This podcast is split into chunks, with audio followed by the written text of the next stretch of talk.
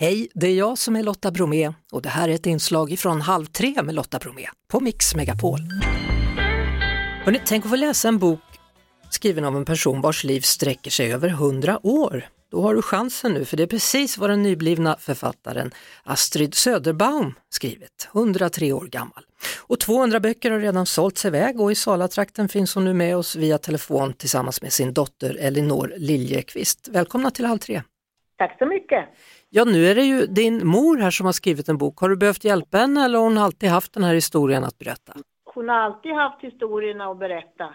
Men jag har väl fått hjälpa henne för hon, hon skrev på ett, eh, eller många kollegieblock och mindes och hade sig. Och sedan har jag tytt under handstilen och så har jag redigerat och gjort liksom det. Ja. Det grovjobbet. Så, som eh, dotter då, fick du läsa berättelser som, som du inte visste om innan? Jag hittade ju dagböcker som jag förr hade sett men aldrig tittat i. Men nu tog jag dagböcker från olika, några olika perioder och, och skrev av rent av. Och då var det ju lite nya saker som jag inte hade hört förut. Jag kanske kan prata lite med Astrid och kolla läget? Det ska du få göra. Ja. Hej Lotta! Hej du Astrid! Hur, hur är det att ha fått sin författarpremiär? Det känns inte klokt men det känns vansinnigt roligt. Vilken betydelse har det haft för dig att kunna skriva om saker som hänt i livet? Om jag var på det humöret och jag hade haft roligt, då, då kändes det att, att det här var kul, det måste jag skriva på en gång. Mm. Nu när du har kunnat läsa boken då, när den är klar, är det saker ja. som du har helt plötsligt kommit ihåg då, som du hade glömt att du skrev om? Väldigt mycket faktiskt. Och, och jag säger oj, har jag sagt det här? Mm -hmm. ja. Vilket kapitel tycker du bäst om? Jag tror jag tycker bäst om början, när jag var liten och de, de, de sakerna där. Hur var barndomen då, Astrid? Barndomen var ju underbar. Jag hade, ju, jag hade det ju så vansinnigt bra. Men som 103-åring då Astrid, då har du varit med om allt sammans. Va, vad tänkte du när de skulle skicka upp en man till månen?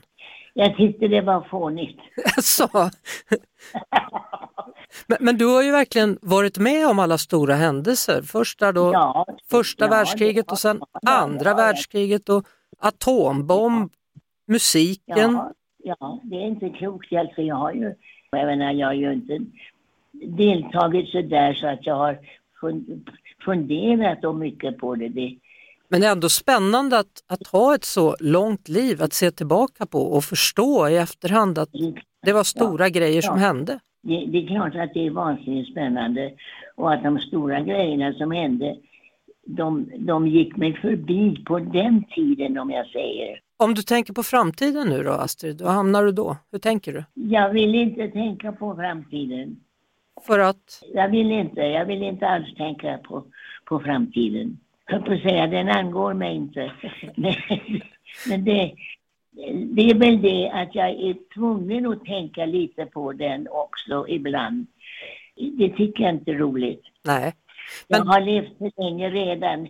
Det, det, det är inte bra, det är inte roligt att, leva så länge. Det är inte alls riktigt, riktigt tycker jag. Då tänker vi på nutiden istället? Ja, Ja. Ja, nutiden den är väl som den är, tänker jag. Ja, det är den. Ja, eh, ja jag, får, det. jag får avsluta med att säga ett stort grattis till bokdebuten i alla fall då. Men tack så hjärtligt. Ja. Tack ska du ha. Tack för att du ja, ville vara med i programmet. Tack, tack för att vi fick. Tack säger vi tack också. Ja. ja. Säger vi så Astrid? Ja, det är bra. Tack och hej.